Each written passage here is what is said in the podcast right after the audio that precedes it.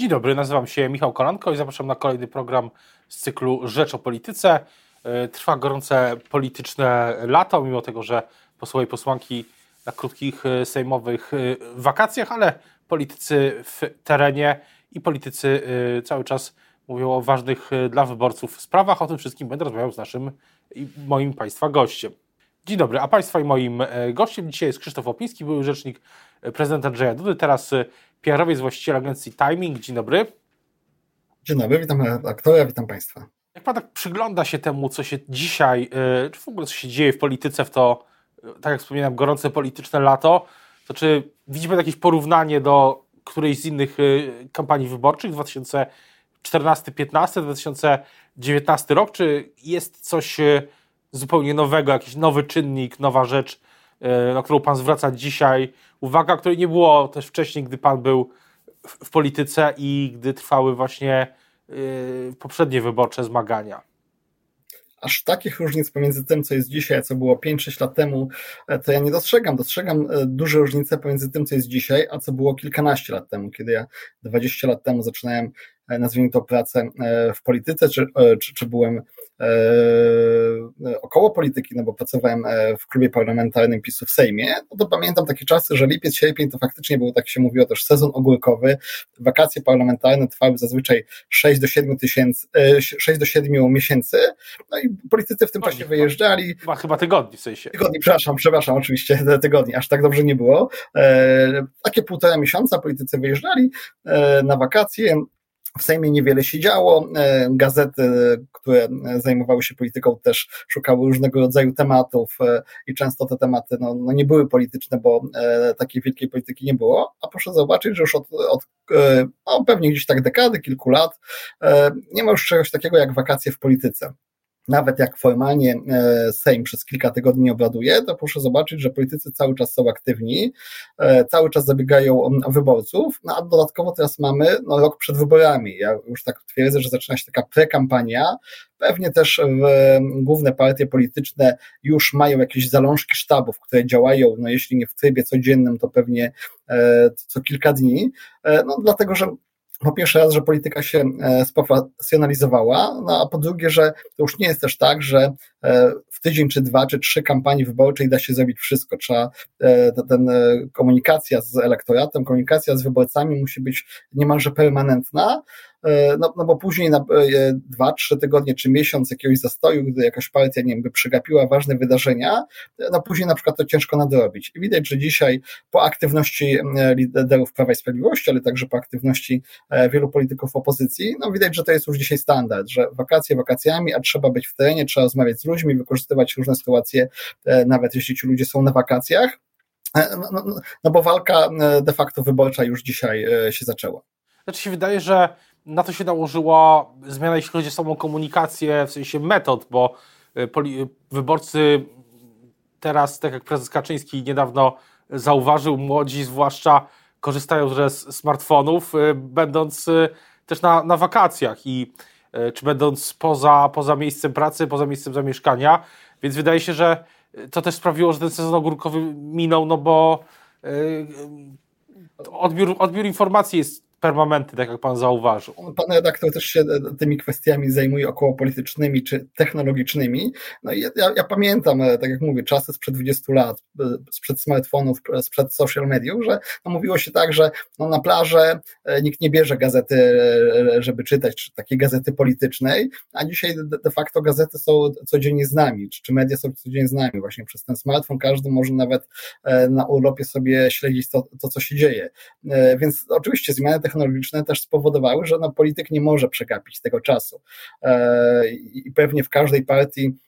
nie chcę powiedzieć, że są jacyś dyżurni, ale też są pewnie rozpisane role, że nie jest tak, że cała partia, wszyscy posłowie, senatorowie w jednym czasie wyjeżdżają na wakacje i nic się nie dzieje. E, tu, tu widzimy aktywność e, polityków najważniejszych partii,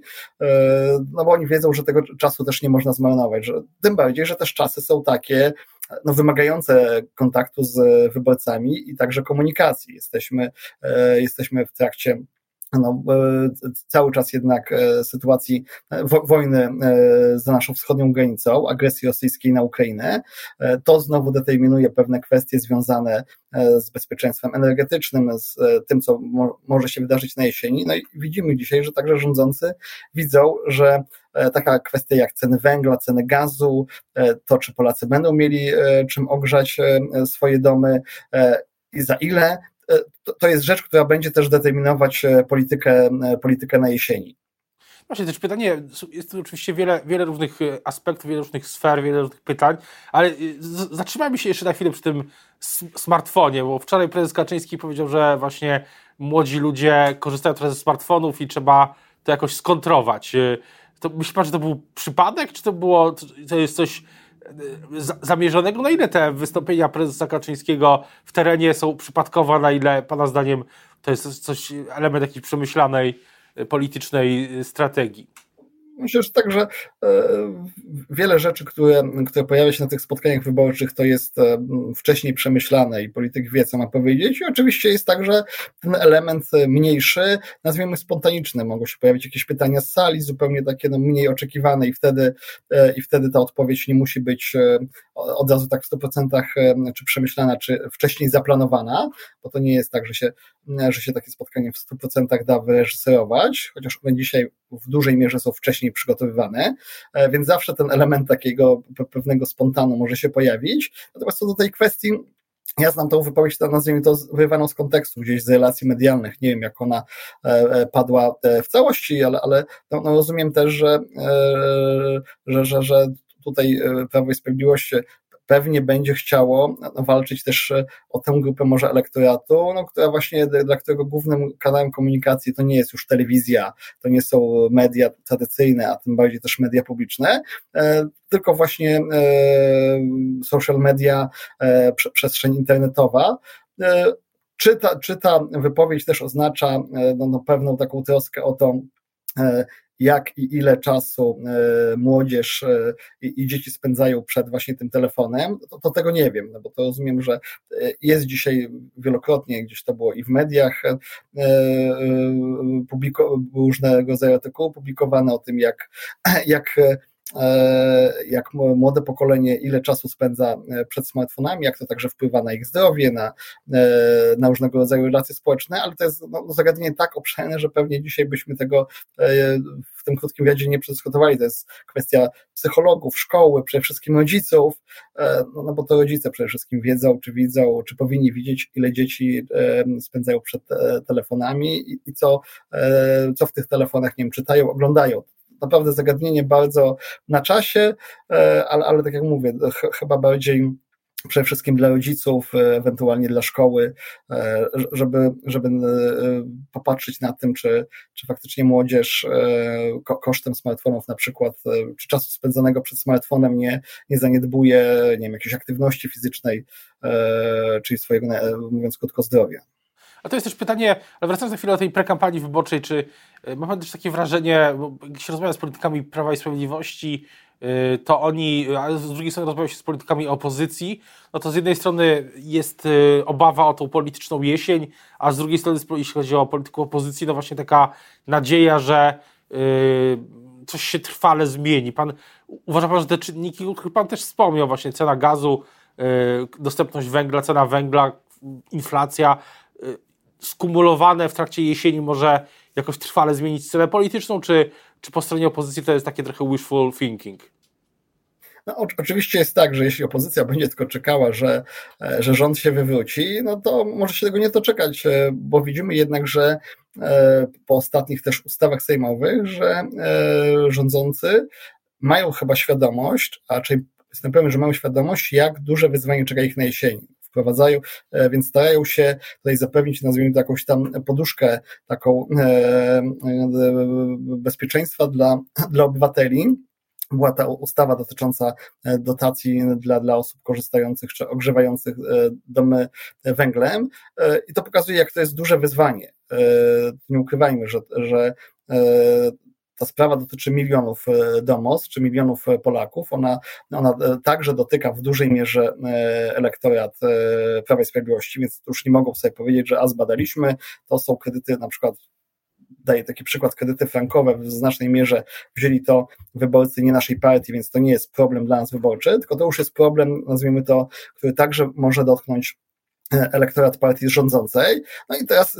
nie znam odpowiedzi, nikt pewnie nie zna na odpowiedzi na to pytanie,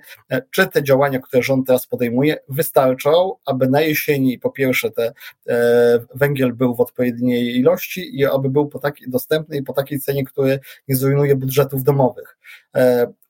po tych ustawach widzimy, że, że, że rząd e, podejmuje różnego rodzaju kroki zaradcze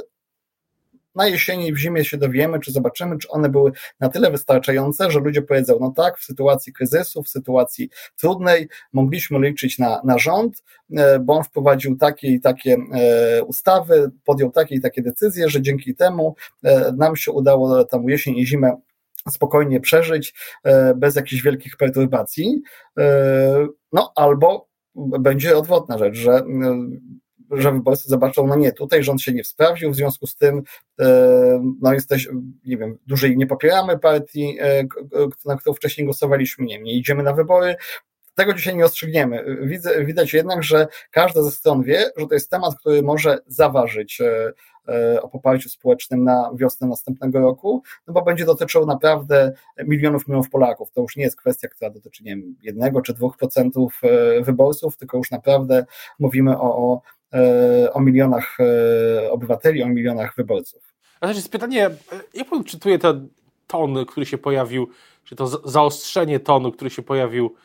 u prezesa Kaczyńskiego? Ja mam takie wrażenie, że te ostatnie tygodnie, ten objazd, który się zaczął ładnych parę tygodni temu, to, że prezes Kaczyński trochę podbija tą retorykę, mówi tak dosyć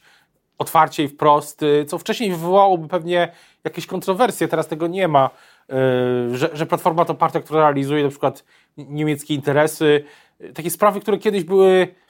wydaje się, poruszane bardziej w, czasami może w wywiadach dla yy, prawicowych yy, tygodników. Teraz jakby mainstreamem w przekazie prezesa Kaczyńskiego. Jak pan to odbiera? Czy to jest na przykład, chodzi o to, żeby, żeby, że ten wyborca, żeby wyborców PiS po prostu zmobilizować, czy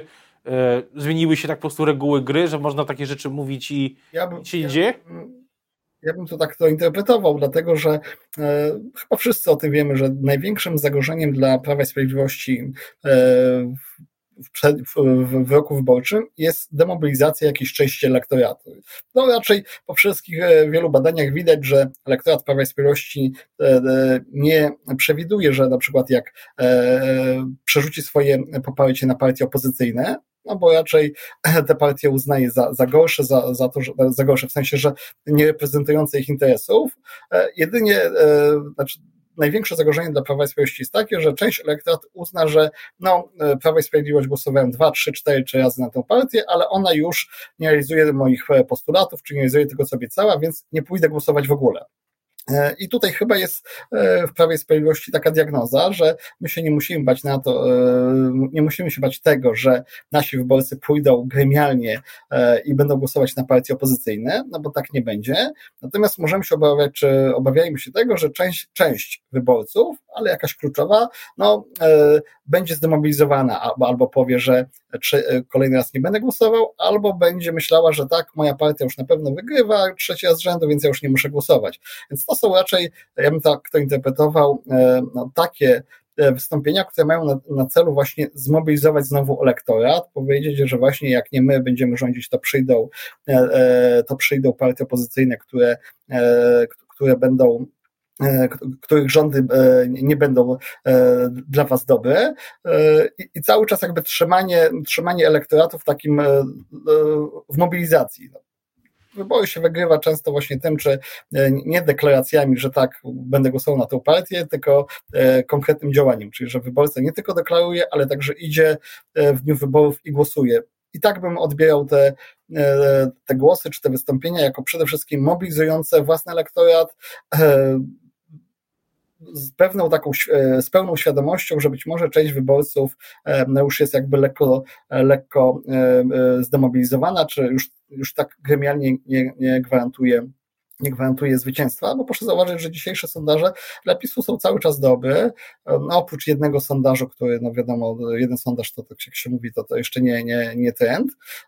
no cały czas dają tej partii prowadzenie, no ale cały czas to, to nie jest takie prowadzenie, które daje samodzielne, spokojne rządy. I myślę, że ta też... walka będzie o, się to, o to, realizować tych wyborców, którzy do tej pory głosowali na rządzących. Na koniec jeszcze pytanie. Na koniec jeszcze tylko pytanie o. Na koniec jeszcze pytanie o y, ten komunikat, który prezes Kaczyński też wyda, y, skierował chyba przede wszystkim do własnej partii i do, do, do polityków własnej partii. W ubiegłym tygodniu prezes Kaczyński powiedział, że premier Morawiecki będzie premierem nawet, y, nawet jeśli, znaczy po, po, po wygranych wyborach na trzecią kadencję. Ja się tak zastanawiam, czy, czy to nie jest tak, że w pewnym momencie czy, czy to nie jest przeciwskuteczne dla samego Morawieckiego, że za każdym razem Kaczyński, gdy coś się dzieje wewnątrz, to prezes Kaczyński musi wyjść i w ten czy inny sposób y, w wywiadzie czy w wystąpieniu powiedzieć, że, y, że premier Morawiecki dalej będzie premierem? Czy to nie jest dla y, Morawieckiego po prostu przeciwskuteczne? Ja, ja myślę, że ta, ta deklaracja miała miała kilka e, różnych powodów. Pierwszy to był taki, że prezes musiał powiedzieć, że e, szanowni państwo, do wewnątrz obozu, koleżanki i koledzy, o tym, czy premier będzie dalej premierem, czy, czy będzie odwołany, no w głównej mierze decyduję ja, Jarosław Kaczyński. No bo proszę zauważyć, że prze, przed tym wywiadem prezesa było dużo różnego rodzaju jakichś takich artykułów medialnych, które mówiły, że jakaś jest grupa, która chce odwołania premiera, że ktoś, że ktoś tutaj no, w cudzysłowie spisku wnioskuje przeciwko premierowi, a prezes Jarosław Kaczyński jasno dał do zrozumienia e, i pewnej części opinii publicznej, komentatorom, dziennikarzom, ale także przede wszystkim członkom Prawa i Sprawiedliwości, że jeśli ktokolwiek chce, e, chce e, rozmawiać o, o wymianie premiera, to, to, to musi rozeznać ze mną, czy ja e, taką decyzję podejmuję, więc jakby przecina, przeciął, e, e, znaczy pokazał, kto jest tutaj, kto jest liderem partii, to po pierwsze, no a po drugie też, no, no nie służy, tak, takie, takie spekulacje, myślę też nie, nie, w takim trudnym czasie nie służą partii rządzącej. I pewnie prezes też uznał, że koniec, koniec takich dywagacji, ja o tym decyduję, premier Morawiecki cieszy się moim poparciem, i, jest, i będzie dalej premierem, no a wiadomo, no tam też takie padły słowa, że jeśli będzie trzecia kadencja, kolejne wygrane wybory, no to zwycięskiego składu się nie zmienia, czyli premiera, który, który w znacznej mierze do tego doprowadził, się nie zmienia. To jest oczywiście deklaracja jeszcze daleko idąca, nie wiemy, co się wydarzy, ale myślę, że na tym etapie prezes Kaczyński przeciął że e, takie różnego rodzaju wewnętrzne dywagacje, że o, może zmienimy premiera, bo wiadomo, że zawsze są w tak dużych obozach politycznych osoby, które mogą być e, z, e, z tego faktu, że ktoś jest premierem mniej zadowolony, a tutaj proszę jest jakby przecięcie tematu. Jeśli ktoś chce, jeśli ktoś chce myśli o tym, to, to musi wiedzieć, że, że to ja, w sensie Jarosław Kaczyński o tym decyduje. A też jest pytanie na zupełnie na koniec, obstawia Pan, że ten temat powróci? Na przykład jeśli ten kryzys węglowy się zmaterializuje, są szacunki, rozmawiam czasami z, z, ekspertami, którzy się tym zajmują, że na przykład 30%, że około 30% y, y, gospodarstw domowych, które, które opalają węgiel, y, opalają węglem, które używają węgla do ogrzewania się, tego, tego, tego węgla zabraknie, to wtedy, wtedy ten kryzys wróci i też prezes Kaczyński będzie musiał znowu powiedzieć, że parafrazując trochę Ludwika XIV, partia to ja, być może, bo pamiętajmy, że, że takie spekulacje o tym, e, e, kto, kto będzie premierem, czy, czy, e, czy że jest jakaś grupa, która, która chce odwołania Mateusza Morawieckiego, pojawiają się co jakiś czas i co jakiś czas one są właśnie przez Jarosława Kaczyńskiego. No a w tej chwili mam taką sytuację, że i, I pewnie takie spekulacje co jakiś czas będą się pojawiać, no ale rzeczywistość jest taka, że dzisiaj premierem jest Mateusz Morawiecki i jak e, kiedyś e, chyba, nie wiem, czy nawet to pan redaktor nie liczył, jest już e, po Donaldzie Tusku drugim najdłużej urzędującym premierem w III Rzeczpospolitej, czyli to tak można powiedzieć, że co chwilę jest tam odwoływany, czy co chwila ktoś deklaruje, e, no najczęściej nie pod nazwiskiem, że, że, że, że, że premier słabnie, a tymczasem Mateusz Morawiecki jest już, e, jest już e, w takim rankingu, kto najdłużej urzęduje z premierów na, na drugim miejscu, grubo ponad 5 lat, więc to, to, spekulacje o jego odwoływaniu na, na razie mu nie szkodziły, bo cały czas one się pojawiały, on nadal jest premierem. Ale tak jak, tak jak pewnie to wszyscy widzimy, obserwujemy się i grudzie meczowe dla całego obozu politycznego Prawa i Sprawiedliwości, ale także dla całej sceny politycznej, bo wyzwał ogromne. No i pytanie będzie tak, kto z tych, kto z tego, z tych wyzwań wyjdzie obronną ręką, kto dla wyborców na koniec będzie bardziej wiarygodny, który e, zapewnia bezpieczeństwo w trudnym czasie. To pytanie to pytanie, na to pytanie będziemy znać odpowiedź y, dopiero w dniu, po dniu wyborów. Teraz jeszcze za kilkanaście miesięcy. Do tego tematu pewno będziemy jeszcze wracać. Teraz bardzo już dziękuję za rozmowę Państwa i moim gościem dzisiaj był Krzysztof, Krzysztof Łapiński, był rzecznik prezydenta Andrzeja Dudy, teraz PR-owiec właściciel agencji Timing. Dziękuję bardzo. Dziękuję bardzo, dziękuję.